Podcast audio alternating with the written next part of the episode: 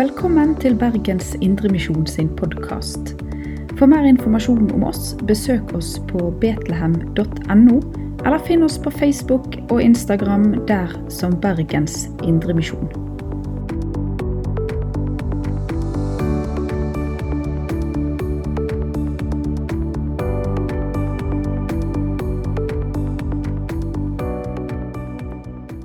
Kristen militærtjeneste, autoritet og det fjerde bud.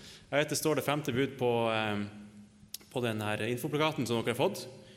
Eh, og vi går jo inn på det, absolutt, hva, hva det vil si og bety for oss i dag. Men det her handler da spesifikt om hva skal en kristen tenke om krig. For det første, hører dere meg godt nå? Dere forstår meg også? Veldig bra. Så, ja, litt, litt, sier Martin er bak. Eh, det får han ta på si kappe i så fall. Um, ja, Som han Kristian nevnte, så heter jeg Håvard Evensen. Jeg er 26 år og studerer på Fjellhaug. Denne bibeltimen er ut ifra en, en liten masteravhandling, et essay, da, som jeg skrev i, på utveksling i USA eh, hos den lutherske kirka der, eh, på deres presteseminar eller presteskole. Eh, jeg skriver jo personlig om dette fordi at jeg alltid har, ønske, har hatt et ønske om å bli feltprest. Eh, jeg hadde for øvrig en samtale med feltprestsjefen eh, på tirsdag om videre vikariater og sånt. Og som han nevnte, Kristian, så er spesialistbefal, det som da tidligere var offiserer i, i Ikke i Hæren, men i Heimevernet. da. Så det rette betegnelsen på det er en, over, en oversersjant. Så tilsvarende løytnant for dere som er vant til gammel ordning. Eh, så jeg jobber som, eller jobber, er styrkedisponert som personellbefal i mitt lokale heimevernsområde, Narvik heimevernsområde, og eh, tar da vare på personellet og alt sånt. Nå skal det nevnes at jeg, jeg står ikke her på vegne av det norske forsvar og eh, holder her de, de, her meningene er mine egne. det er det. Som dere kanskje kan gjette dere frem til hvor jeg ender liksom, i debatten om pasifisme eller ikke, ut ifra ståsted og alt det. Det burde være ganske åpenlyst. Dette eh, bibeltimen kommer til å være ganske sånn rett frem. Eh, av legning så er jeg nordlending, så da bruker jeg å si ting ganske direkte. Ikke banneord som vi har fått på oss. Det er jo sånn nyintrodusert greie som eh, alle sier at nordlendinger gjør. Det, det gjorde vi ikke av gammelt av. Men en relativt direkte tale, så hvis dere lurer på noe, så spør etterpå. Uh, yes. Ja. Denne oppgaven skrev jeg i Min rådgiver var den tidligere sjefspresten i USA for den amerikanske marinen. Det er ganske mye større enn oss. da. Han eh, leda sorgarbeidet 12.9.2001 eh, fra Pentagon og koordinerte det da, for alle som var eh, råka av, av terrorangrepene da, mot World Trade Center. Så en, en som kan, kan, litt om dette, da. Så får vi se hvor, hvordan det, det blir. Uh, yes. Ja, krig er jo uh, et dagsaktuelt tema, spesielt med tanke på det som skjer i Europa. Um, sist jeg hadde denne bibeltimen, så var det i Trondheim. Og da, Derav dette bildet da, som dere ser bak dere fra Eh, kirka på eh, Stiklestad. Eh, der har du jo Jesus som er i midten her og holder ei jeg håper å si palmegrein eller blomst i ene armen og et sverd i andre armen. Og jeg tenker at Det er ganske greit å starte med. Vite at den Gud som vi, som vi tjener, som, som, har frelst oss, han er ikke pasifist rett og slett. Han har sine grunner til å ikke være det heller. Han er en som dømmer ondskap, en som, som tar oppgjør med ondskap. Men også en som, som frelser syndere, som oss. Derav både sverdet og greina. Yes, denne bibeltimen den er, jeg tenker det er ganske fint å starte med hva er denne bibeltimen og gjøre litt sånn avklaring. Hva, hva kommer det her til å være, hva kommer det ikke til å være? Sånn at vi ikke får noen misforståelser. Dette er jo som sagt en innføring i kristen tenkning om krig og militærtjeneste. Jeg blir ikke å gå sånn et, et, steg for steg og si sånn her skal du gjøre, sånn her skal du gjøre, sånn her skal du gjøre. Eh, men jeg tenker at det er veldig greit å gi dere en liten verktøykasse da, eh, for å foreta etiske vurderinger ut ifra kristen tro og nestekjærlighet. Sånn at dere kan møte de, de forskjellige kasus eller problemer som livet kaster på en. For det er ikke alltid sånn at vi bruker å si det i militæret, at en plan overlever aldri kontakt med fienden. Og det, Uansett hvilken plan du har, så overlever den aldri kontakt med den virkelige verden. Hvis du sier at jeg skal gjøre dette i dag, eller dette i dag, så plutselig så blir du forsinka, og så blir det ikke akkurat som du får eh, så for deg. Eh, så det er bedre å ha en verktøykasse til å kunne gjøre ting sånn, egentlig, på, på stridsledelse, som vi sier. Ja, denne bibeltimen er bibelsk og kirkehistorisk. Eh, det blir å starte med å gå gjennom litt vers i Bibelen og historien i Bibelen, og dra den videre da, til kirkehistorien og, og, og, til nå i dag. Og Først og fremst er den selvfølgelig ikke først og fremst, men den også luthersk. Eh, Dette blir ikke et forsvar for eh, pinsekarismatisk tro, for baptistisk tro eller for eh, romersk-katolsk tro. Heller ikke mormonere. da. den her er luthersk, som ja, dere også er. Ja. Så be å gå gjennom Bibelen, det nye, gamle Nye testamentet, kirkehistorien, og se hva, hva har våre forfedre i trua, eh, våre forbilder også i trua, hvordan har de takla det her? Eh, og hvordan har eh, Martin Luther for eksempel, da, og gjengen eh, gjort det? Um, ja. Denne bibeltimen som nevnt, det er ikke en domstol som avgjør hvorvidt krig 1, 2 eller 3, denne krigen, denne krigen, denne krigen, er rett eller gal. Det må du enten finne ut sjøl med tanke på den verktøykassa som du får, eller så spør du pastoren din. Det er jo veldig lurt. Han er jo ansatt for det. Um, ikke krigshistorie, kanskje bitte litt. um, og her med tanke på direkthet så er det ikke et forsvar for pasifisme og andre urealistiske holdninger. Eh, og Det kommer vi til, da. Det spørs selvfølgelig hva du legger i pasifisme og sånt. Men eh, ja. Ikke spør meg om Russland og Ukraina, jf. punkt 1. Eh, som sagt, jeg vil ha jobb i Forsvaret, så ikke, ikke led meg opp i stry, skulle du si. um, selv om man kanskje kan finne ganske åpenbare svar der. Yes. Så med det i mente så tenker jeg at vi kan starte. Um, for når vi som kristne tenker på krig, i hvert fall etter min egen opplevelse som voksende opp i Nord-Norge, det norske kirkelandskapet, da, så har det ofte stoppa med Oi, men det står at du skal ikke drepe. Ja, men da kan vi ikke Da blir Forsvaret et nødvendig onde. Da blir liksom det at vi har våpen, et nødvendig onde. Sånn, ja, vi, vi, snakker egentlig ikke om det. Vi vet at det er galt, men vi forholder oss til det av nødvendighet. Da. Og det er jo litt spesielt. Eh, tenker jeg. Så det er jo litt bakgrunnen til at jeg måtte finne ut av det her. Eh, mange har gjort det før meg, så det er jo ikke sånn Jeg kunne egentlig bare endt denne eh, hele bibeltimen med å henvise dere til den augsburgske trosbekjennelse, artikkel 16, da, som snakker om akkurat dette. Men det er også litt viktig å vite hvorfor den snakker om det. Men jeg tenker at det femte bud blir å begynne i feil ende når vi snakker om krig. Det å ta liv. For det er jo det vi gjør i militæret. Det vi trenes for, er jo eh, forsvar av landet. Men instrumentet for det er å ta liv. Eh, ikke for å pynte på det, da. Eh, vi skal begynne i rett ende, da, tenker jeg, med det fjerde bud. Og hvordan det er lagt ut. Når Jesus snakker om budene, da, så bruker ikke han et sånt veldig bokstavelig um, um, han forholder seg ikke veldig bokstavelig til budene. Og ikke beskyld meg for å være liberalteolog nå. For han, han sier at dette står, men det er så mye mer også. La oss si ekteskapsbud om ekteskap, det sjette bud. Eh, vær den som ser på kvinner for å begjære, har brutt ekteskapet i sitt hjerte. Han ekspanderer det. ikke sant? Altså Synden råker oss mye mer enn vi tror. Den går dypere. Det er mer enn bare det som står etter teksten. Altså å følge eh, lovens eh, lovens bokstav viser seg kanskje å være lett, men å følge lovens ånd, ja, det er langt borte for oss alle. Men det fjerde budet, eh, du skal hedre din mor og din far, det skriver jo han Martin Luther. Han bruker, han bruker budet likt som Jesus brukte de andre budene, og sier at det her handler ikke bare om å hedre din mor og din far, men all autoritet.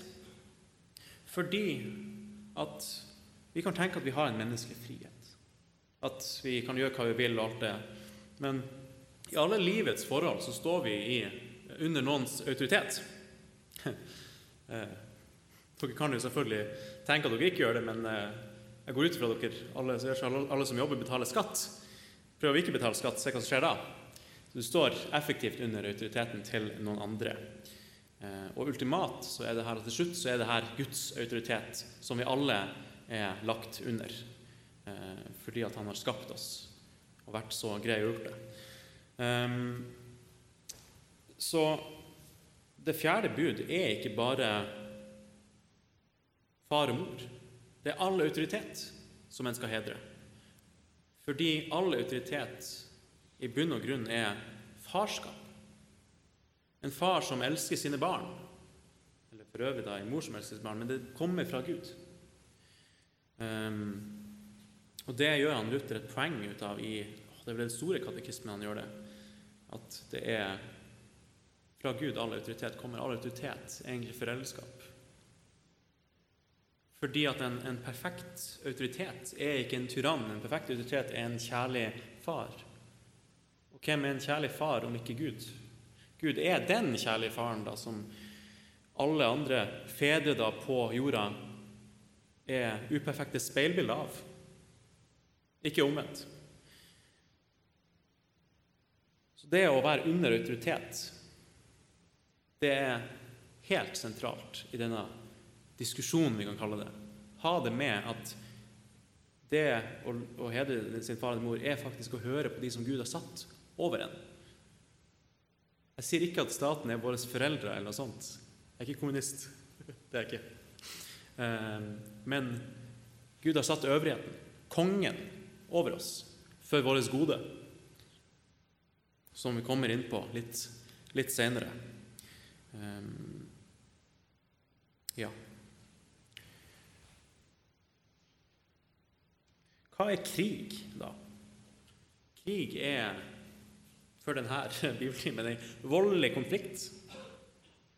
Eh, altså, ikke bare sånn at vi er uenige, men en konflikt som faktisk går til slag og ja, andre ting.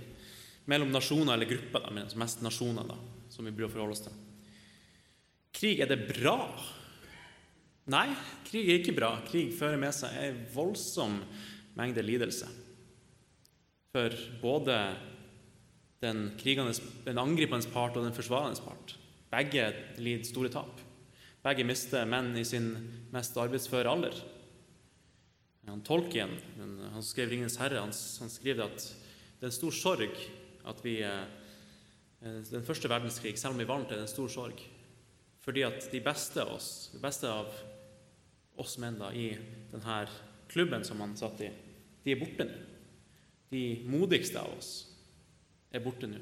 For dem har sprunget fremst og ofra seg for sine venner. Krig er dom. Krig er dom fordi det er lidelse på begge parter. Det er aldri bra i den forstand. Det er alltid dårlig. Kan det være rett? Ja, men det er aldri bra å ha krig. Vi ber om å få leve i fred. Derfor det er kanskje en indikator på det. Krig er en dom som kommer over oss. Som vi skal høre mye om. Vi skal høre rykter om krig og alt det. Men det er en, en dom for, for oss alle. Og hvordan reagerer vi på det? Vel, som Jesus sier til, eh, til eh, sier om de, de jødene som fikk tårnet over seg i Siloam, de, om de var noen større syndere enn andre. Nei, men hvis ikke vi også, dere også vender dere om, så går det like ille med dere. Så den rette responsen på krig er egentlig å se i seg sjøl og ikke peke fingre, men oi La oss vende tilbake til Gud. Hva sier Gud til oss i Bibelen om krig? Hva, hvordan forholder han seg til det? Ja, det er jo ganske fullt av krig i Det gamle testamentet. Det starter veldig tidlig. Det starter med Noas tid. Mennesker gjør forferdelige ting. Og vannflommen kommer over dem.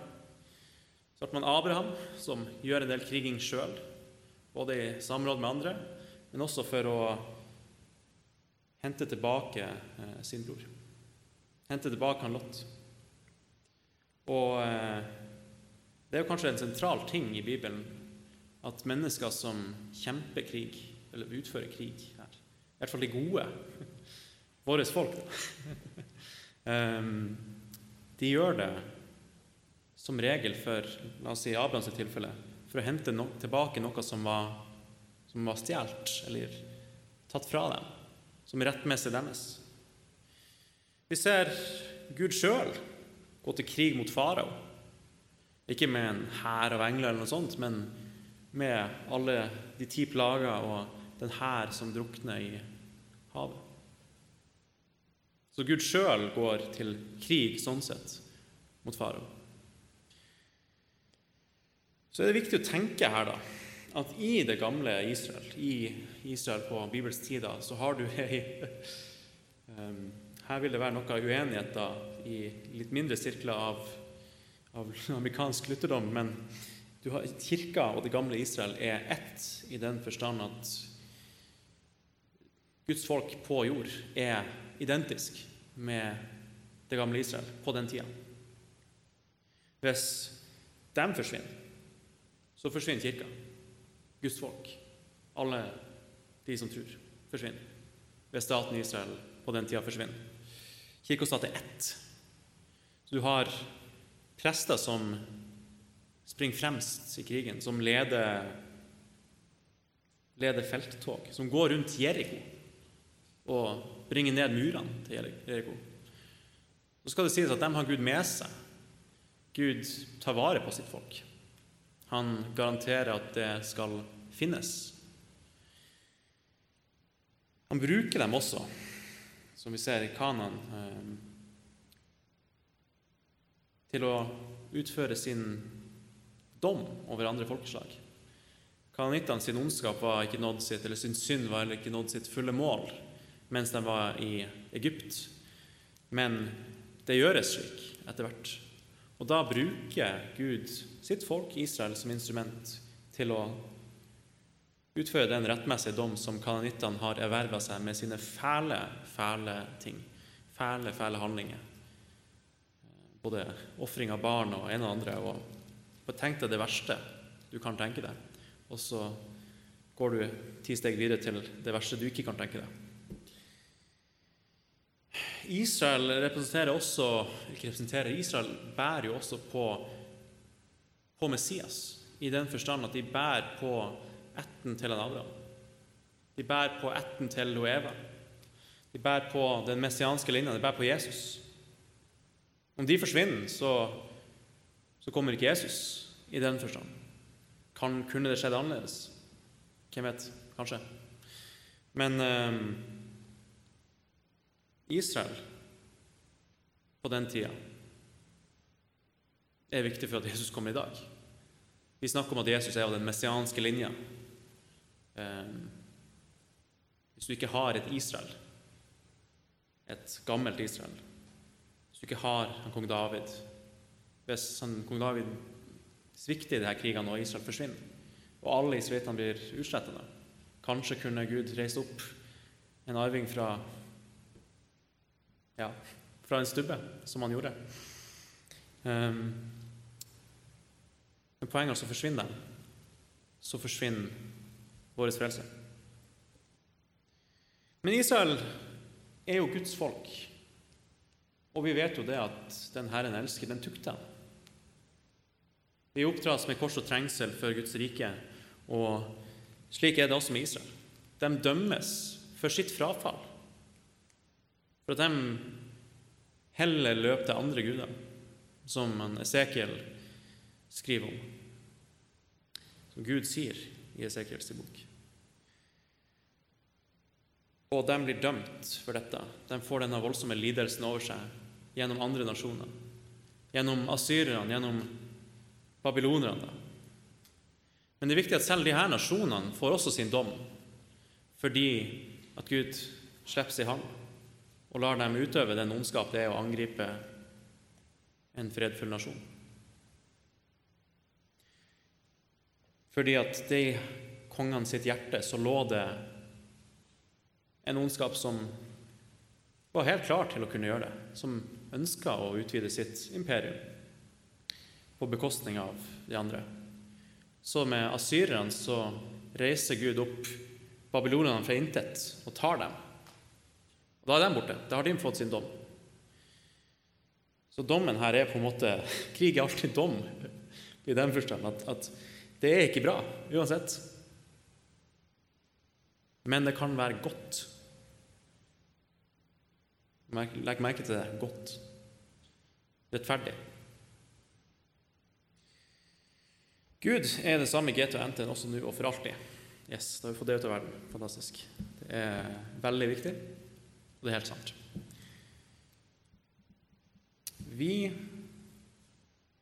tenker jo ofte det at Eller tenker ofte, jeg tenker ikke ofte det, men, og det gjør sikkert ikke dere heller, men det er kanskje en populær oppfatning blant norske eh, som går i kirka, da, som kaller seg kristne, at ja, GT og NT sin gud er forskjellig. At den var mye mer voldelig da. Nei, nei, nei. Gud er den samme. Den samme Gud som frelste israelittene gjennom å ødelegge eh, egypterne, gjennom å føre dem gjennom vannet, som frelste oss gjennom dåpens vann. Men eh, noe som ofte blir tatt opp i den sammenheng, er jo det Jesus sier i Matteus 38, 42. Det er om å snu det andre kinnet til. Lex talionis, altså, som det het på latin. At dere har hørt det, sier det sagt øye for øye, tann for tann. Men dette er nå det andre kinnet til. Men Jesus vet vi jo at han går jo ikke for å oppheve loven. Loven vil han jo fortsatt holde ved like. Loven er fortsatt Guds krav til oss. Det er krav som vi er til å oppfylle. Han vil jo oppfylle dem. Så hva gjør han her? Nå må jeg lene meg litt på, på denne masteroppgaven min, faktisk. Her. Um, jeg skrev her. For jeg datt av mitt eget tanketog, som ofte skjer. Hør så.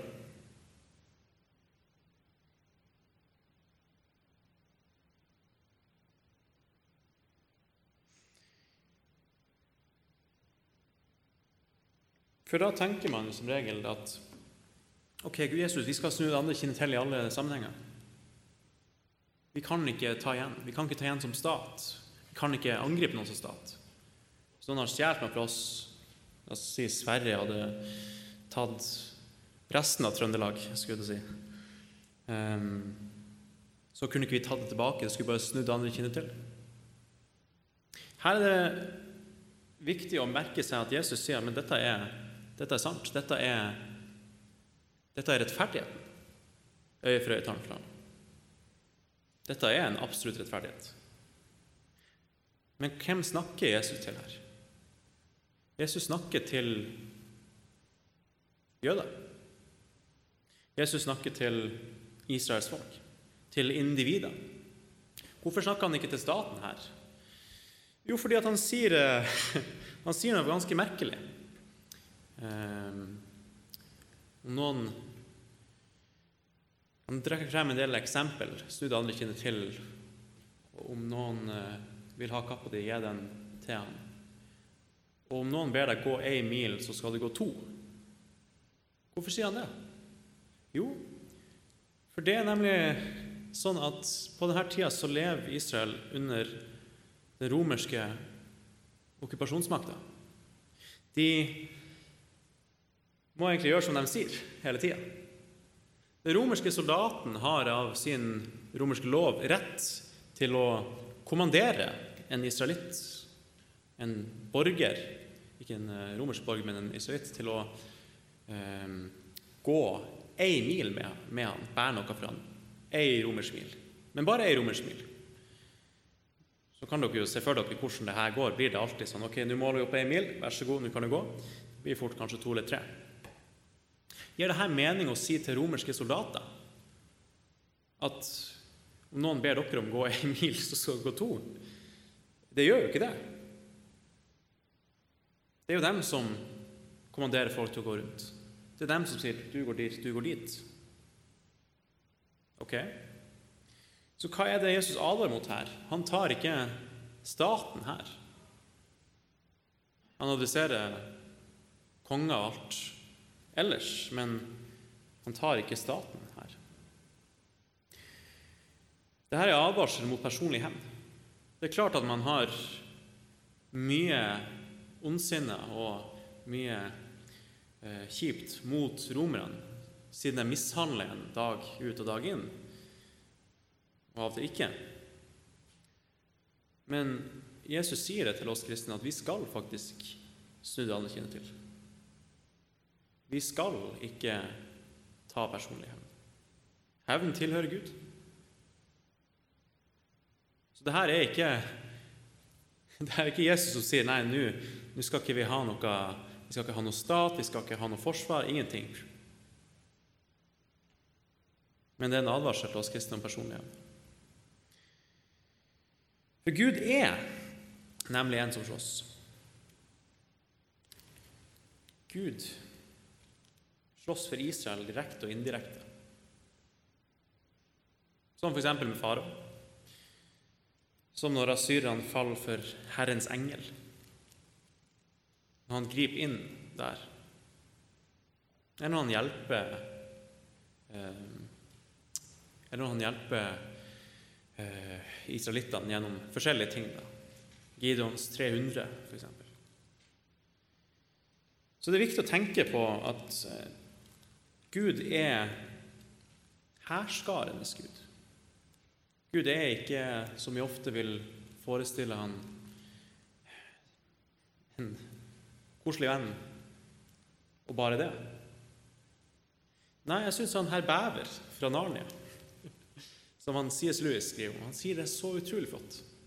I Narnia så er jo eh, C.S. Lewis skriver det fra et kristent perspektiv, og han går lange, lange lange lengder for, for, å si at ja, men, løva i Narnia, han Assan, det, det er liksom så, Hadde det, Narnia vært virkelig verden, så hadde dette vært Gud. ikke sant? Og Aslan sier jeg har et annet navn i den virkelige verden som dere må finne, finne meg eh, gjennom. Altså den treenige Gud. Det er han dere skal tro på. Eh, Jesus Kristus sjøl. Og Jesus Kristus er nettopp sånn. Når Lucy spør er, er, han, er, han, er han tam, liksom han Aslan. Er løva tam? Nei, nei, nei, nei, nei sier han. Nei, nei, nei, uff, uff. Det er han ikke. Han er farlig. Han er ikke ufarlig. Han er løve, ikke sant? Det er en allmektig Gud som straffer vi har med å gjøre. Men han er god. Og det det må vi ikke glemme. For Glemmer vi at Gud er god, så ender vi opp med en tanke om en tyrann som ikke finnes.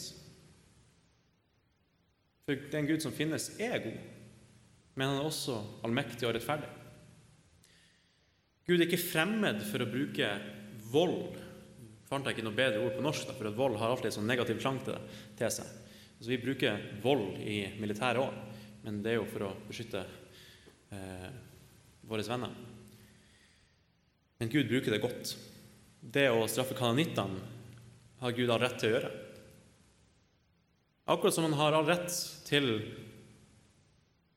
å straffe oss mennesker hvis vi ikke tror på Hans enbårne sønn.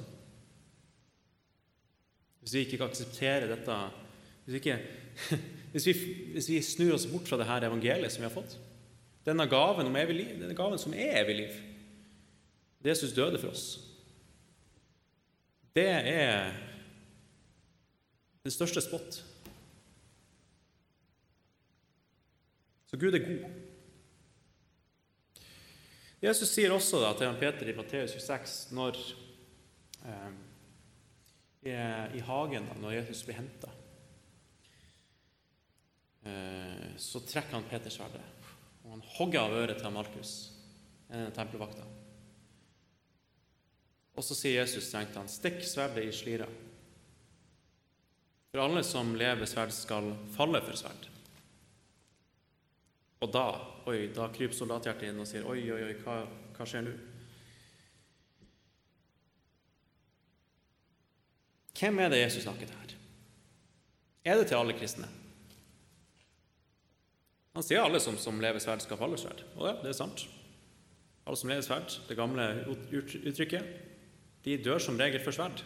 Alle som lever ved HK416 eller pistol, de faller ofte for AK-47 eller noe sånt. De som lever kule, faller for kule. Et farlig yrke. Det er det. Men Jesus, Jesus sier bare det her til han Peter. Peter, stikk sverdet i skilla. Hvorfor det? Hvorfor gjør han det? Det her blir jo nevnt sånn tidligere at, at, eh, eller i etterkant at Hvorfor ba Jesus dem å hente sverd? Han, det er han som ba dem å hente sverd. Kjøpe to sverd. Fordi at skulle, profetia skulle bli oppfylt, at han skulle bli regna blant røvere. Og lovløse. En gjeng som går der med sverd uten uten at det er staten, da, er jo en gjeng med røvere og lovløse. Peter, da, som um, Gode Peter, som møter tempelvakten, som tar Jesus vi, vi, vi er jo litt privilegert her når vi sitter og ser på det. Ja, men, men hallo, Jesus måtte dø. Jesus måtte dø. Ja, Forsto han Peter det? Er ikke det noe som disiplene i lengda sliter med å forstå. Ja, du er Messias, den levende Guds sønn, men Messias, den levende Guds sønn, skal ikke han frigjøre oss fra romerne? Som er den, den rådende tanken for jødene. da. Skal ikke Jesus frigjøre oss med å kaste av dette romerske åket som er? Skal han ikke drive dem ut med makt? Nei. Jesus må dø. Dette må skje. Det ser vi tidligere at Jesus sier 'Vik fra meg, Satan'. Du har bare det for øye som mennesker vil, ikke som Gud vil. Når Messias ikke må dø. Men Jesus må dø for oss. Han døde for oss. Og det er viktig å ha med her, at dette er et ledd i oppfyllelsen av den profetien. Hmm. Jeg hadde en liten ting til, men det datt, bort der. Ja, da går vi over til andre del av denne bibeltimen. For Jeg tenkte jeg kunne nevne litt da, innledningsvis til det med tanke på autoritet. Autoritet er farskap. Autoritet er fedre som gjenspeiler en god Gud. En god Gud som ikke gir ungene sine en skarpion når de ber om noe annet. Ber om en gave. Så det samme vil være for myndigheten. da.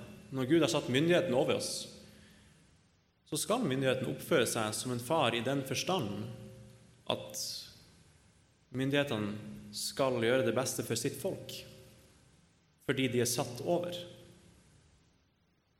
Gud har ikke satt noen til å være inn i store stillinger. Gud har ikke satt meg til å bruke min personellassistent i Heimevernet til å gjøre masse fæle ting. Eller til å mishandle ham. Eh, vi bruker å kjøre rundt i bil, og det er ganske, ganske nice, egentlig. Um, Gud har satt, la oss si meg, personellbefalet i Heimevernet til å ta vare på soldatene, ikke bare si nei, ingen får uh, noe som helst. Du, kona di føder, ok, vet du hva, du må være her. Velferdspermisjon, da, for å bruke det. Myndighetene sitt kall er til sitt folk, til å ta vare på dem. Ja, så Det er viktig da når vi ser på det her med krig, at hva er myndigheten?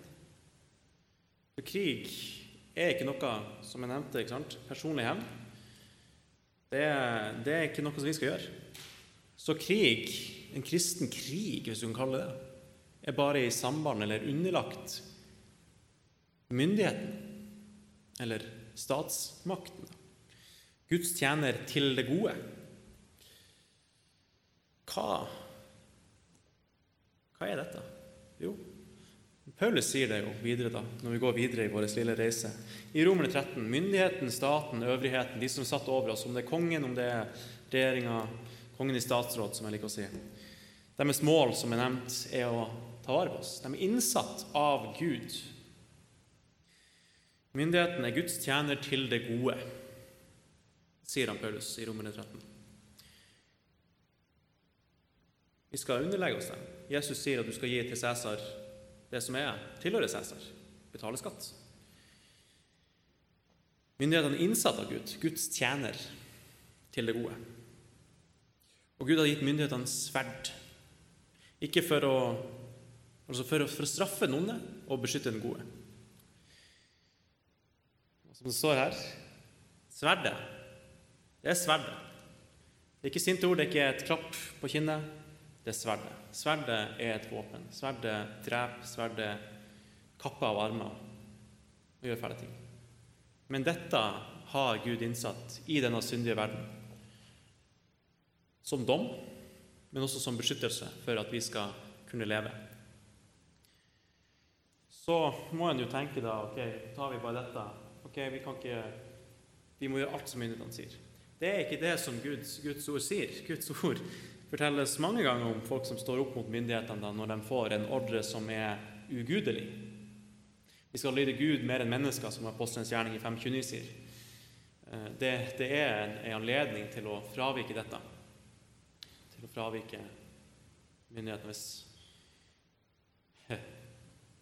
hvis eh, staten hadde Hvis Erik Kristoffersen ja, kanskje Erik Kristoffersen, forsvarssjefen eller kongen eller regjeringa hadde sendt Narvik heimevernområde 216 over grensen for å massakrere eh, Abisko, Kiruna, riksgrensen, svenskene, så hadde jo ikke jeg gjort det. Jeg hadde sagt nei, dette kan vi ikke gjøre. Dette er galt. Dette byr ikke bare vår samvittighet imot, men det er ondskap. Dette er imot Guds vilje. Det er ganske innlysende å se. liksom. Altså, Israelittene fikk jo befaling om å gå hit og dit og dit direkte. Ja, ta, ta kanonittene. Det er ikke sånn at Gud gir oss befaling direkte utenfor sitt ord til å gå og invadere Sverige, f.eks. Eller andre plasser. Men her ser vi da at hvis det her er Guds tjener til det gode Myndigheten som har, Gud har gitt sverdet Det er ikke sånn at de har tatt sverdet klart at Myndighetene gjør jo ofte fæle ting, og spesielt med tanke på vår oppvoksende generasjon. Men de har fortsatt dette kallet. Hvis jeg får en ordre om å gjøre et eller annet, la oss si forsvare Narvik, og så bare lar jeg være Den ordren er fortsatt der. Så med en gang jeg begynner å gjøre det igjen da, og sier 'du kommer ikke inn her', eller må skyte noen, da, hvis vi har noen vitale objekt eller folk vi skal beskytte, så handler jeg i tråd med det kallet som jeg har fått. Akkurat som en far handler i tråd med sitt kall om å oppdra sine barn. Hvis han f.eks. leser Bibelen til dem om kveldene, eller eh, leder eh, tilbedelsen og det åndelige i hjemmet. At han på den måten er familiens prest eller pastor. Samme greia. Så det finnes da en god bruk av sverdet. Og det er når myndigheten bruker det i tråd med sitt kall. På Guds befaling. Det er derfor Martin Luther skriver det i, en av sine bøker om det her, eh, om den verdslige makt og hvorvidt den skal uh, høres på. Når tyskerne forsvarer sitt land, så kan de rope for Gud og Gud, keiser og fedreland, fordi at de gjør det kall som Gud har gitt myndighetene. Myndighetene er ikke noe abstrakt. Det, det er jo de som gir oss eh, ja, de som, sitter, som, er satt over oss da, og ber oss om å gjøre, gjøre ting for våre gode. Eh, kongen også da videre i kraft nedover. Generalnummersjefen, fylkesmannen eller statsforvalteren, som det heter. Så det finnes en god bruk av sverdet. Det er når Gud bruker det til å stoppe ondskap, for å straffe ondskap og beskytte den gode. Men hva med den tidlige kirka? her da? For Nå har vi på en måte gått gjennom Bibelen. nå har vi sett alt dette, og Hva med den tidlige kirka? For her møter vi jo på et lite problem. da. For her er nemlig et forbud mot militærtjeneste i det romerske imperiet. Det er ikke lov. Om uh, noen tjenestegjør i den romerske hæren, la han ikke bli anerkjent eller godtatt i våre menigheter. Husk at kirka her er noen grunner ett. Uh, du har diverse vranglærere, og sånt, men det er ganske definert at det er dette som er kirka. Dette er før kirkesplittelsen. Det finnes selvfølgelig andre land, men la oss nå ta Roma, for det romerske imperiet var jo egentlig den kjente verden. Um, Roma sin statskirke Nå bruker jeg kirke som religion. da. Uh, Roma sin statsreligion da, var keiserdyrkelsen på dette tidspunktet. Det er veldig viktig å få med seg. De levde ikke i uh, det, norske land anno uh, 1920, når presten var statens embetsmann og det var diverse plikter. La oss si eller Danmark, da der man alle måtte delta på store bededag. Nei, eh, Romas statskirke var keiserdyrkelsen. Fordi at alle stater trenger noe eh, som binder dem, da, som skaper enhet i befolkningen. Prøver å styre et folk som alle tenker forskjellig, som alle vil forskjellige ting. Som ikke har noe fellesskap med hverandre, som ikke vedkjenner seg til hverandre. Et kjempe, kanskje multikulturelt land i den forstand. Det går ikke i lengden. Det, det blir krasj. Det har historien vist oss. Så, og det her vet jo da keiseren. Så her må vi skape liksom et, et prosjekt da for å samle folket, og det er keiserdyrkelsen. For å ha en, en enhet der. Vil du at jeg skal ha den? Ok. Um, blir det bedre, mindre ljoming av det? Ja. Hører dere meg der bak?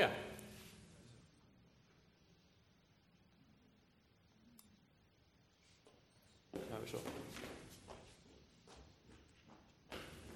Ja jeg skru Er den på? Er den Ja, og det, det var jo mye bedre. Ja, så hele livet her blir et religiøst enhetsprosjekt der den romerske soldaten den må ofre til keiseren. Selv rustninga som han har på seg, har religiøse symboler som innebærer et eller annet, som på sett og vis tvinger den romerske soldaten til å delta i keiserdyrkelsen bare med å ta på seg rustninga. Det går ikke an å unnslippe dette. Hvis du ikke er med, så blir du halshogd. Ikke fordi at du tror på Jesus. Altså, Forfølgelse trenger ikke å være veldig, veldig bevisst fra forfølgeren sitt ståsted. De som ikke kjenner Gud, vil ikke tenke at ja, de er kristne, vi tar dem. Uh, her er jo tingen at de kristne vil ikke delta i keiserdyrkelsen. De river selve samfunnet fra hverandre. Oi, dere deltar ikke på dette som er eneskapende for oss, om det er keiserdyrkelse eller om det er regnbueflagg eller hva, hva, det nå skal være. Derfor vil vi forfølge dere. Dere må. Vi skal tvinge dere til det. Så hele livet da blir et religiøst enhetsprosjekt. Det går ikke an å være soldat i det romerske imperiet uten å delta i denne keiserdyrkelsen. Det går ikke an. Noen klarer det på et eller annet vis, men det er masse historier om militærmartyrer. Det går an å lese det i en bok som er skrevet av Jon Helgeland, en amerikaner, ehm, som heter 'Kristne og militære'. En ganske grei oppsummering av det og militærmartyrene der som, som, står for at nei, vi vil ikke ofre til keiseren. Vi vil gjerne tjene mitt, uh, mitt Roma, mitt romerske rike. Det er jeg en del av. Uh, og mange av de her var de beste soldatene. Men nei, keiserdyrkelsen det vil jeg ikke ta del i. Det kan jeg ikke ta del i. Du ser også historier senere som detaljerer at det, var, det var kristne i det romerske imperiet, da, i hæren. Um, og um, spesielt den historien om legio fulminata, den tordnende legionen, da, som da er ute, en romersk legion som er ute i, i de, de, tyske skoger, blir overfalt og er nær utslettelse. Men så sies det da at om det her er, er legende eller ikke eh, Jeg forholder meg som regel positivt til sånt og sier at ja, men, ja, står det, står det. Eh, så skriver folk i hvert fall positivt om det, de kristne. At Rome eh, ja, Hvordan skjedde det? Jo, de blir overfalt, de er omringa, og så ber de kristne. De kristne ber åpenlyst. Og hva skjer? Jo, bom! Det er et svært tordenvær. Og Tordenvær er kanskje ikke så vanskelig for oss, men er du ute og slåss i krig, så hva er det som skjer? Forferdelig regnvær. Forferdelig, forferdelig vær. Altså, tenk Bergen på en, en, ganske kjip dag. Og eh, hele hæren til tyskerne, da, eller barbarene, kan du kalle dem, de tyske stammer, eh, spres, og legionen vinner. Derfor får den navnet Den tordnende legion. Så kirka skriver positivt om dette. At det var kristne i militæret. Så det er god skjellig grunn til at vi kan konkludere med at det var ikke militærtjenesten i seg sjøl som var problemet, det var alt rundt. Det religiøse. Hvis jeg må um, Hvis jeg mister min stilling som soldat, f.eks., for, eksempel, for at jeg ikke ber til en annen gud, eller bøyer kne for et annet flagg, eh, som står for helt ukristelige verdier, så er jo det verdt å gjøre det. Altså, det har ikke jeg samvittighet til å gjøre, eh, fordi at det går imot eh, min tro og det, og, og det Gud vil. Ja. Vi ser det her videre med han Augustin og han Ambrosius. Augustin har de fleste hørt om. Ambrosius er jo han som skriver eh, Jeg vet ikke om det er den første i sangboka, men i salmeboka i hvert fall. 'Folkefrelser til oss kom', den kjente, fine, kjære julesalmen. Um, og det her er litt senere, for her har, liksom, her har vi, vi, vi, de kristne, uh, klart å flippe staten. Staten har blitt kristen i den forstand. Uh, han, det starter med en Konstantin som ser ok, de, det er veldig, veldig mange kristne her nå. Uh, Keiserdyrkelsen de klarer ikke å samle Romerriket vi vi må, ha et nytt prosjekt. Også ved et dikte i eh, Milan, er det ikke det heter. Eh, I 318 så blir det en godtatt religion. Og du får eh, keiseren som kaller inn til det første kirkemøtet i Nikea. Og biskopene som eh, blir håper bussa inn dit med hest og kjerre, eh, bærer fortsatt merker etter forfølgelse 20 eh, år tidligere. Noen mangler øyne, noen mangler hender, noen er brent på kroppen. Og nå blir de bussa inn for å avgjøre hva er, hva er rett kristendom. Hva, hva, tror vi på? Eh, og da er det jo masse kristne i militærtjeneste. Staten er bygga på kristen etikk. Du ser Juli, eh, ikke Julian, men Justinian sine eh, lover etter hvert. Og, og, alt det. Det blir Stat og kirke nærmer seg å bli ett. Og du har to figurer her som jeg vil trekke frem. Først han Ambrosius og han Augustin, som lever på ca. samme tid. Han, ene, eller han sistnevnte, Ambrosius, er biskopen til han Augustin, kirkefader Augustin. Um, og Det som dere ser på bildet her, er den første historien. Han Ambrosius er biskop i Milan, en veldig stor figur. Og han kong Theodosius, som gjør kristendommen i 380 Det er vel diktet ikke Milan, men en annen plass som gjør kristendommen til den eneste tillatte statsreligionen, og brenner ned avgudstemplene. Eh, sier at nei, her, vi skal ikke ha det her mer. Vi skal ha, vi skal ha kirka.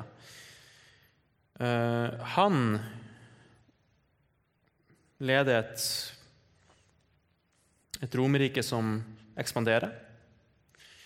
Og så blir det opprør i Tebes i Hellas. Nei, ikke Tebes, Tessalonika i Hellas, faktisk. Så blir det opprør, og garnisonen den dør. De slaktes ned. Hva gjør han Theodosius da? Han blir sint. Her gjør de her borgerne opprør om det. Da tar jeg min gjeng, sender jeg min legion. Alle skal dø. Alle skal slaktes. Hele gjengen. Brenn ned, brenn ned Tessalonika. Og Han angrer seg jo på veien med å sende bud, men det kom ikke frem i tide. Og hele Tessalonika dør. Dette får jo Ambrosius med seg. da.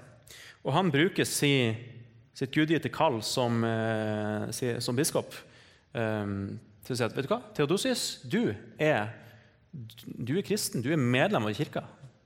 Jeg har et ansvar overfor deg, et tilsynsansvar.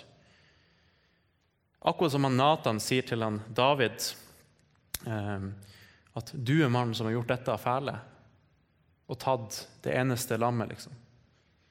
Eh, når han har tatt kona til eh, Og nå står det stilt. Han har tatt Batseba. Og han gjør det rette. Han nevner dette til Antedosius. Nei, du som har synda som han David, skal vende om som han David. Frem til du har gjort Hvis din omvendelse, da, hvis du kan si det, gjennom andre lover og beklagd offentlig Dette her er keiseren. Det er ikke liksom han kong Harald som sier 'hallais, eh, velkommen' ikke sant, og, og alt det. Hvis du Vanlig praksis er hvis du sier imot en keiser som har makt, så fær hodet ditt. Kong Harald kapper ikke av deg hodet, så vidt jeg vet. i hvert fall. Eh, så det her er, det her er, store, det er stort mot. Men han sier det. Du er utelukka fra fellesskapet. Du får ikke delta i nattverden. Dine synder er bundet frem til du faktisk vil ha tilgivelse. Han vil jo ha denne tilgivelsen, men han viser, jo ikke at han vil gjøre noe med det, at det, at det er galt, egentlig. Men han går med på den til Theodosius. Da. Eh, og i åtte måneder så har han en sånn periode der han eh, kler seg i sekkestrie og spesielle ting. Men han kommer med en offentlig beklagelse og endrer et par lover for dette.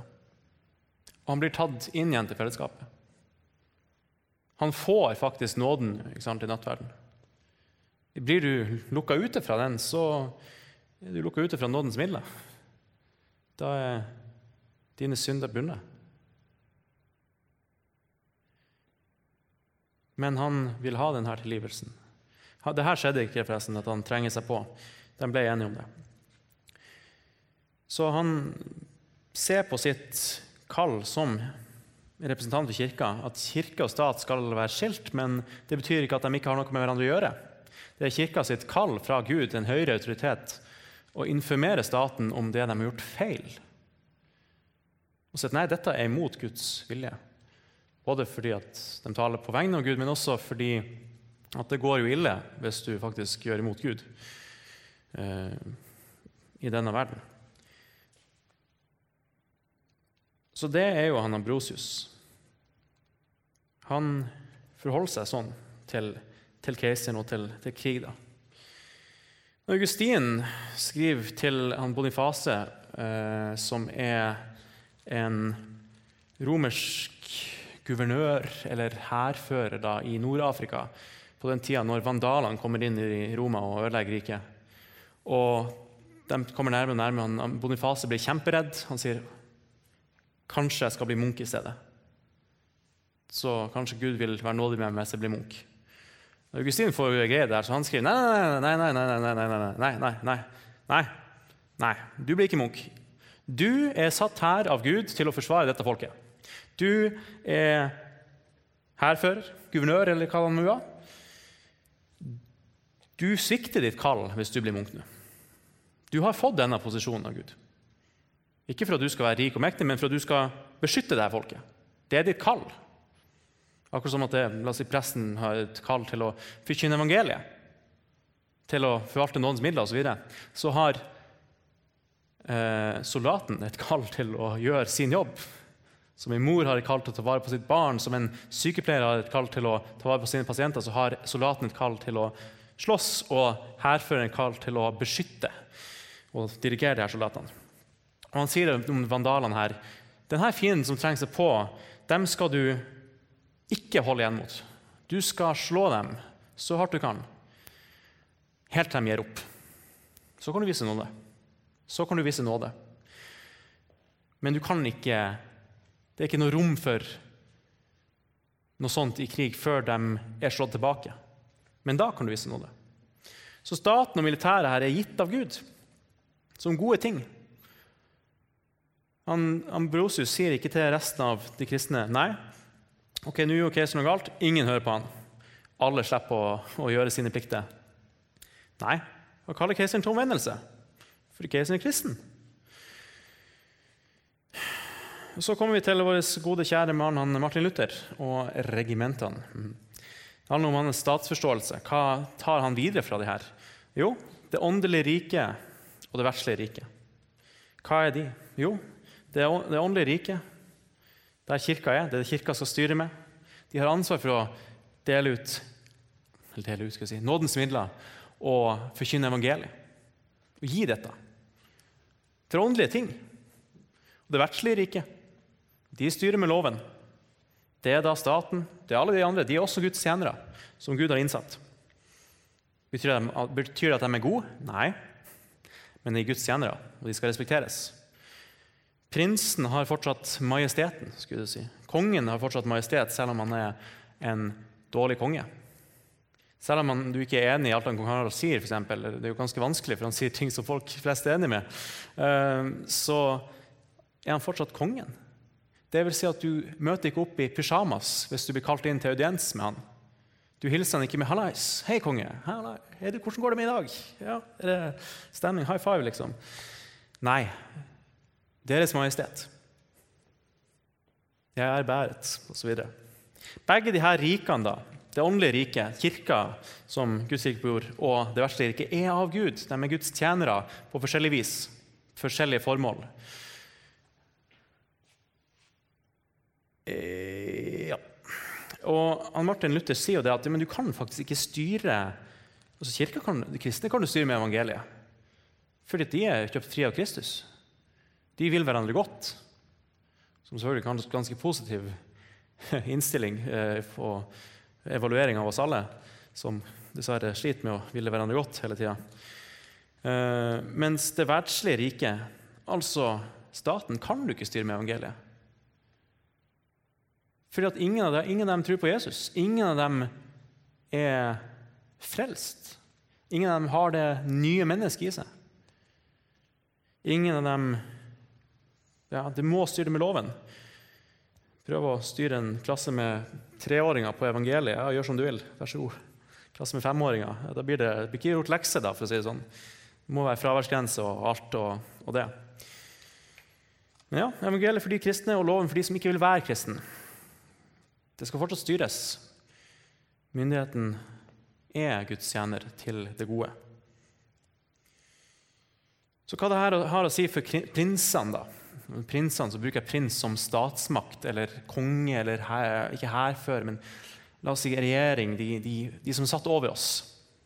Prinser. For det bruker han Martin Luther, da, der han hadde snakka om prinser som statsledere. Og den gjengse mannen i gata. Her er bildet av kong Olav. Uh, for øvrig er det ikke det? Jo, jeg tror det. Uh, ligner veldig på sin sønn. Uh,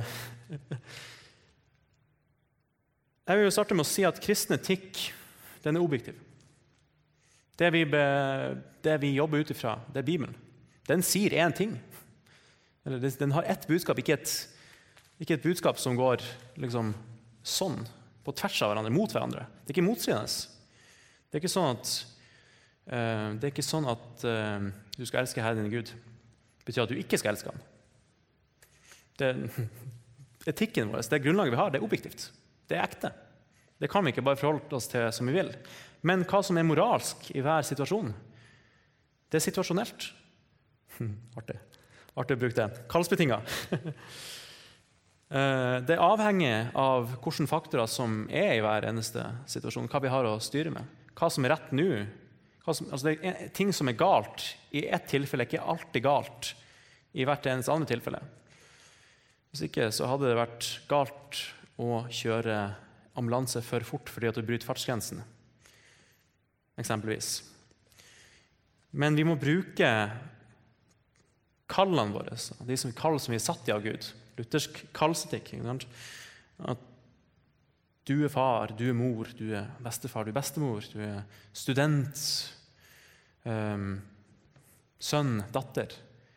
De, de kallene vi har fått der, bærer med seg ansvar. Glede, men også ansvar overfor andre mennesker. Og det ser ulikt ut. Et, en far sitt kall overfor sin sønn på tre år er Nå må du faktisk legge deg, klokka er elleve. Du er kjempetrøtt. Nei, vær og, og leke, liksom. Nei, du må faktisk legge deg. Nå går du og legger deg. Vær så god. Bærer han, legg han i senga. For det er godt for han, ikke sant? Han kan ikke være oppe til klokka tolv på natta når han er tre år. Det går ikke. Men sønnen sin kjærlighet til sin far, hva er det? Jo, ja, pappa. Jeg skal gå og legge meg nå. Det er lydighet til den som Gud har satt over ham. Fordi at her vil jo faktisk faren det aller beste. Hvis faren sier nå, skal vi i moskeen, for vi skal, vi skal tilbe Allah, liksom. Nei, nei, nei, nei. Om en treåring sier nei, nei, nei, nei, nei, nei, nei, så gjør han rett. Men hva skal prinsen gjøre, da? Hva skal statslederen gjøre da, ut ifra dette? Jo, han skal tjene og beskytte en mann i gata og lyde Gud. Pinsen har ikke noe annet. Liksom. Det er ikke sånn at staten er unntatt all, eh, altså Guds lov. Mange snakker om eh, eh, at politiske vurderinger er unntatt vanlig etikk. At en kan slutte f.eks. å støtte ja, Slutte å kjempe for retten til eh, eh, Slutte å kjempe for livet til det ufødte barn. Slutte å kjempe imot selvbestemt abort, f.eks., som parti. Og det er politisk vurdering osv. Så Sånne ting blir, er ikke unntatt Guds lov. Sånne ting er ikke unntatt det Gud vil. De skal også lyde Gud. Med sverdet, da, sa han da, på vegne av Gud. Det betyr at hvis eh, svenskene skal angripe oss, da, så skal ikke, så skal ikke staten si nei, vær så god, la dem bare komme inn. Eller hvis Russland kommer og skal invadere Finnmark, så gir de bare opp og Nei, vi, eh, vi skal vende andre kinnet til. Nei, absolutt ikke. Hva er det Augustin sier til Bonifase? Du skal slå dem tilbake. Du skal gjøre det du er satt til. Du skal gjøre det som Gud har kalt deg til, for det her er din oppgave. Og så er det sånn Kristian slutter å forkynne. Liksom, hva, han slutter å ta vare på dere som menighet. Da svikter han jo sitt kall, som han fått. Gjør han ikke det? Annerledes er det ikke med staten. Hva skal mannen gjøre? da? Jo, han skal lyde prinsen, altså kongen, eh, statsmakten, og lyde Gud. Mannen skal også være kristen. Det er jo, Gud, Gud kaller alle menn til å vende om. Med sverd, da, om det kreves. På vegne av prinsen og på vegne av Gud. Så det er jo litt spørsmål hva i alle dager er en rett krig, da? Kan vi kjempe alle kriger? Luther skriver om dette i eh, 'Kan soldater også bli frelst?' Svaret må svare ja. Det er veldig godt for min, del, i hvert fall. Her kommer det inn, det her med, med, autoritet. All autoritet er innsatt av Gud. I hvert fall all autoritet som ikke Altså, Autoritet er ikke noe du karrer til deg. Eh, makt er vel sånn sett noe du kan karre til deg, men autoritet er ikke det. Det er gitt. Eh, hvis vi skal bruke sånne kategorier. Da. Krig for prinsen, da. Hva er rett grunn her? Hvis du er konge da, og skal liksom tenke på krig, hva, hva, gjør vi da? Ja, Du skal ikke krige mot en overordna. Ja, for da gjør du opprør. Og opprør er jo et brudd på det fjerde bud. Det gjør opprør mot de som Gud har satt over deg. Det er et brudd på det fjerde bud. Du skal hedre din far og din mor du skal leve lenge i landet osv. Eller en underordna. Bare for å ha lyst. Altså, gjør det en underordna opprør mot deg, så er det jo noe annet. Men, men eh, angriper du din underordnede, så svikter du også ditt kall. Du mishandler liksom de som jobber for deg. Hva i alle dager? Det er jo forferdelig. Eh, du skal også gjøre dette til forsvar for folket. Du må hele tida tenke på folkets beste. Er dette lurt? Og det her som, som statsvitenskap er, statstenkning er, hva kan jeg gjøre for mitt folk som Gud har satt over meg? La oss si, Sammenligne med han Kristian. Hva kan jeg forkynne til de her og de her? Hva kan jeg si til denne personen i denne kjærlighetssamtalen som vil være godt for dem? Hva trenger vi å, å høre? Angrepskrig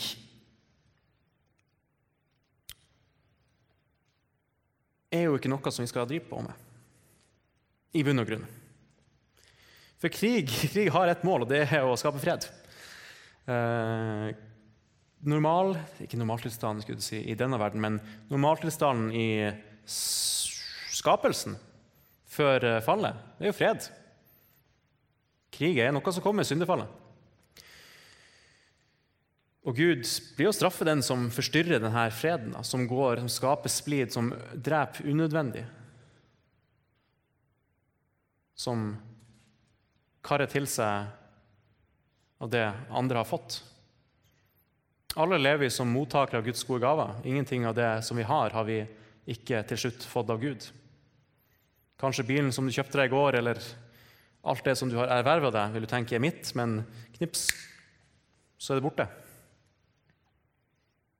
Dåre, i dag skal din sjel kreves tilbake, som Gud sier til han som bygges, vil bygge seg ekstra lover.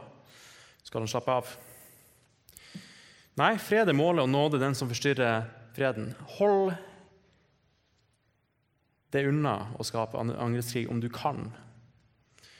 kan. Hvis du vet at fienden kommer til å angripe deg og alt det der med å Hvis du vet at det her blir å fyre av et lite atomvåpen i neste 48 timene, da, så ser du det her med din eh, begrensa menneskelige kunnskap og sier ok, da må jeg kanskje eh, angripe deg først, sånn at de ikke ødelegger hele mitt folk. Overordna her folkets beste. Så når det er krig, stol på Gud. Det skal prinsen gjøre. Be til Gud. Det skal kongen gjøre òg. Be til Gud. Ære Han. La meg følge dine veier. Hjelp meg i dette. La meg krige som du vil, i denne forstand. Og ikke hold tilbake. Slå tilbake fienden, for det er det beste for folket. Ikke vis nåde mot en som angriper deg, før ditt folk er trygt. Og selvfølgelig være kristen, som jeg skrev også. Det er kalt alle.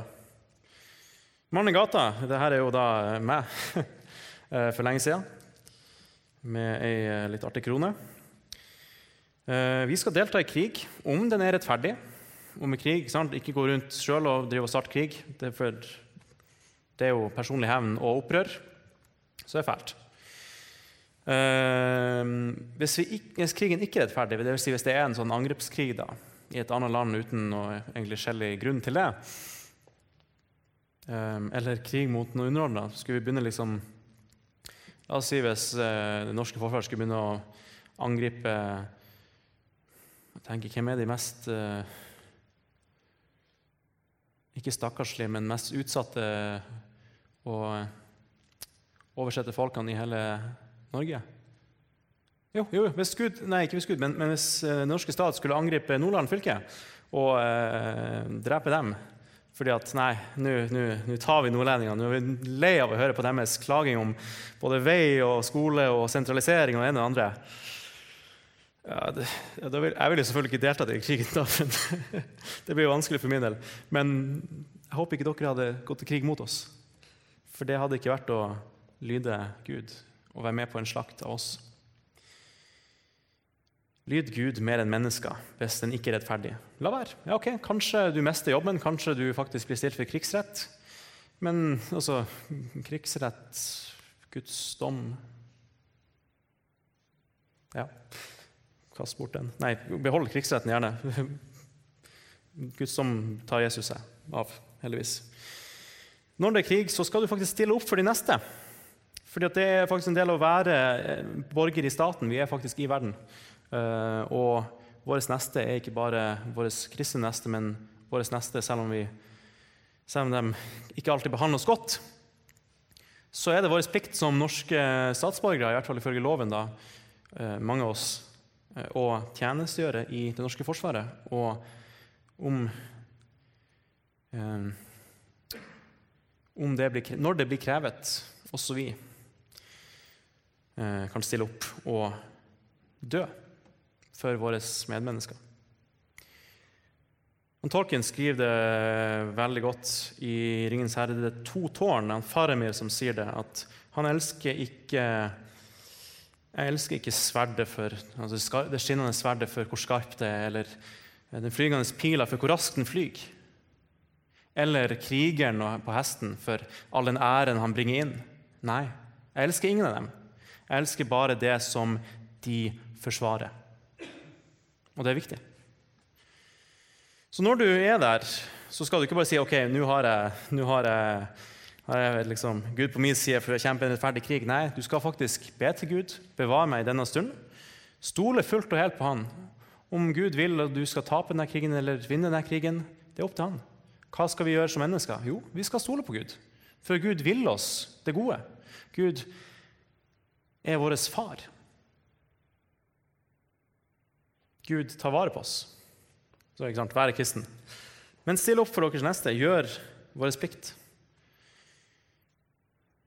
Så ut ifra det vi har snakka om nå, da, pasifisme, da, hvis vi skal snakke om det eh, Og med pasifisme så mener jeg da eh, motstand mot all bruk av våpen.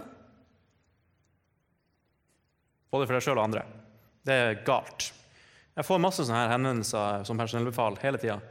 Spesielt nå med tanke på Ukraina, at eh, vi vil ikke ta del i dette og alt det. Um, så ut ifra det her vi har snakket om, hva, er, hva tenker vi er svaret på det? Jeg tror det blir veldig vanskelig. I lys av kallet vårt som borger og menneske.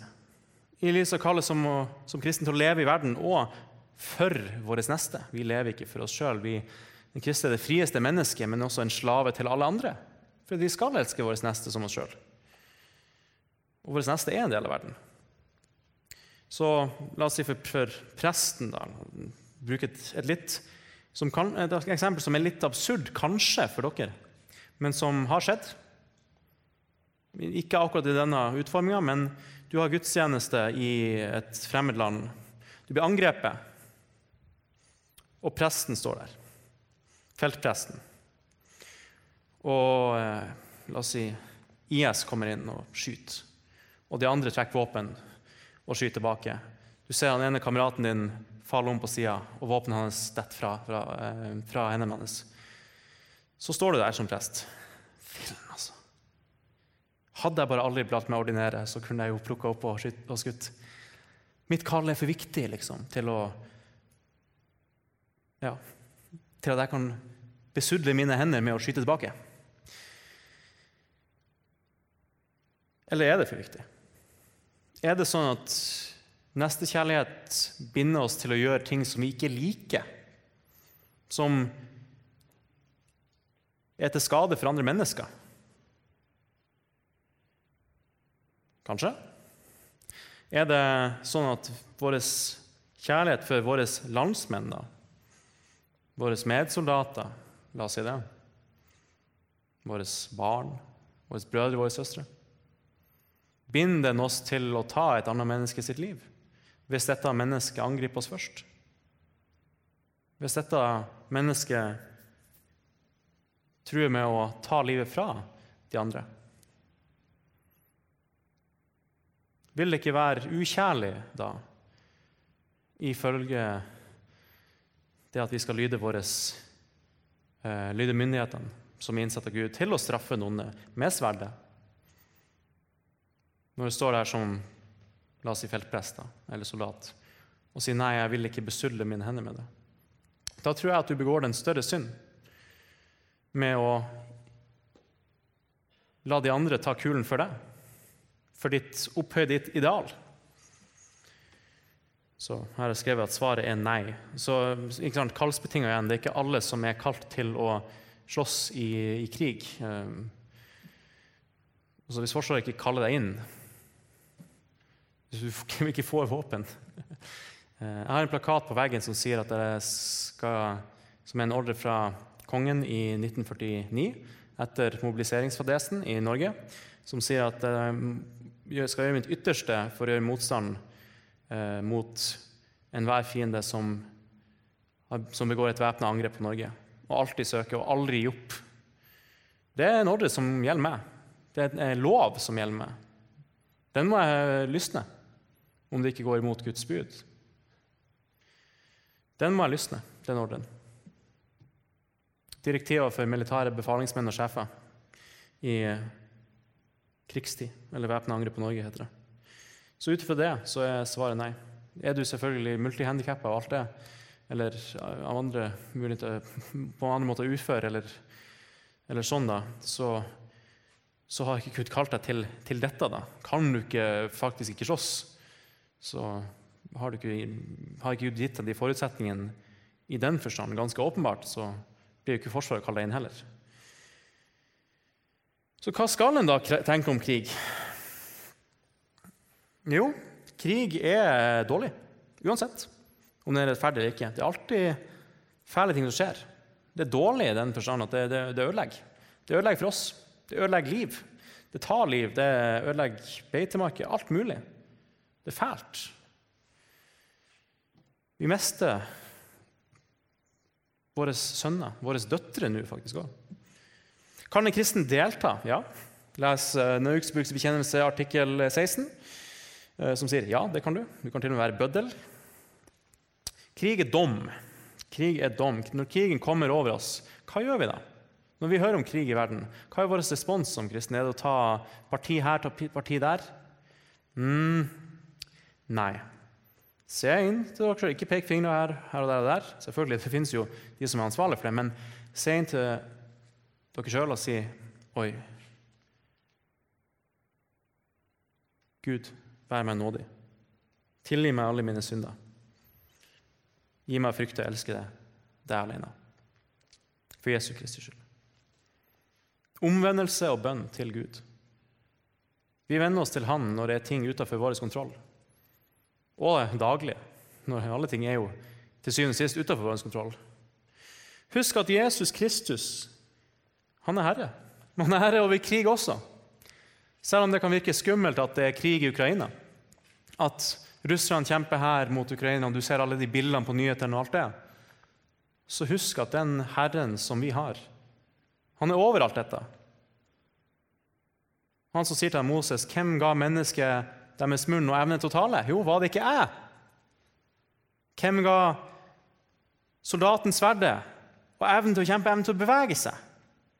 Var det ikke jeg? Har ikke vi en kjærlig far som bryr seg om oss? som vil bære oss gjennom dette? Har han lovt oss enkle kår, enkle tider? Nei. Ikke i det hele tatt. Vi skal ha forfølgelser, vi skal ha trengsler og alt i dette livet. Men han har overvunnet verden. Han er herre over krig òg. Soldatyrket det er som alle andre yrker. Som sykepleier, som alt. Det eneste at vi gjør ting som er ganske grusomt. Det kan være gode ting, det er grusomt å skyte et menneske. Det er ikke noe pent syn. Men det kan være en god ting. Hvis det mennesket hadde skutt hele din familie, hvis ikke, f.eks. Eller hvis dette mennesket vil ødelegge deg og alt du står for. Ødelegge naboen din, nesten din neste. Så ja, soldater beskytter deg. De er til for din beskyttelse, selv om vi som andre mennesker gjør feil òg. Så gjerne si takk til sol, den neste soldaten du møter neste gang. Eh, vi får veldig lite takk um, for den jobben vi gjør. Så det har vært veldig fint om vi kunne satt pris på dem som, når det kreves, må være først i frontlinja og legge ned livet for sine venner.